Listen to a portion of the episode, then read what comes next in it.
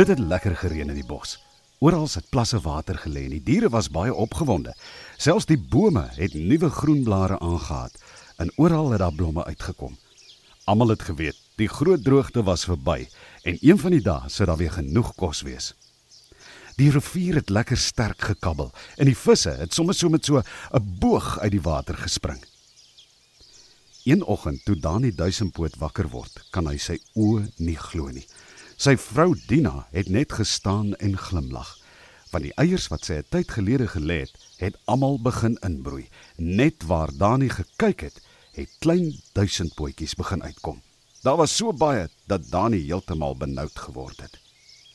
Hoe gaan ek ooit vir al hierdie duisend potjies name kry? Het hy gewonder. Hier's net te veel.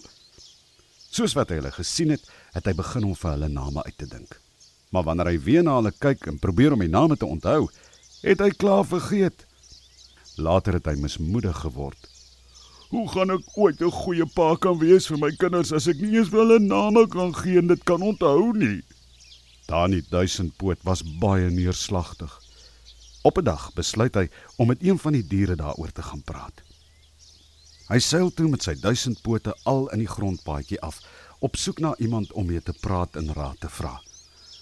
Hy het nog so gestap, toe kom hy by Kalikraai. En as jy so kop onderste bo hier in die paadjie seil daar nie duisendpoot, vra Kalikraai. Ag, Kali, ek weet nie wat om te doen nie, sê Dani. Ek was nog nooit 'n pa nie. Nou het ons eerste klompie eiers uitgebroei. Daar's duisende klein duisend potjies. Nee, ek het probeer om vir elkeen 'n naam te gee, maar daar's te veel. Dit maak my so deurmekaar dat ek nie meer weet wat om te doen nie. Dis nou vir jou 'n ding, sê Kali kraai.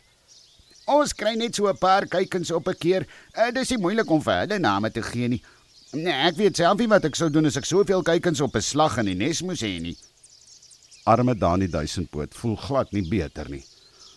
Maar hoe gaan ek vir die klomp kinders dan name gee as hulle almal dieselfde lyk? vra Dani. 'n Pa behoort tog sy kinders te ken en elkeen spesiaal te behandel. Jong, ja. Eh, soos ek sê, ek het nou nie daai probleem nie. En miskien moet jy maar met iemand anders hieroor praat. Eh, ek moet in elk geval gaan want my vrou wag vir my. 'n Lekker dag, Dani, sê Kali kraai. En daar vlieg hy weg. Dani duisendpoot wou nog met Kali praat, maar hy het so baie vrae. Kali het net weggevlieg. So begin Dani maar verder op sy duisendpootjies verder en verder aanseil in die grondpad. Hy stop langs die paadjie en begin knibbel aan van die groen gras, want hy begin honger word. Hy het nog so geknibbel toe hy skielik hier vlak by hom 'n miskryer sien. "Ekskuus meneer," vra Dani duisendpoot. "Mag ek jou asseblief iets vra?" Mina Miskryer is besig om 'n ronde stukkie bokmis aan te rol. Sy sukkel om dit tussen die gras en blare uit te rol. "En minie my hinder nie," sê Mina Miskryer. "Kan jy nie sien hoe sukkel ek nie?" "Ek is jammer," sê Dani Duisendpoot. "Ek wil net jou raad vra." Mina Miskryer sug moeg en gaan sit. "Nou toe, wat is dit?"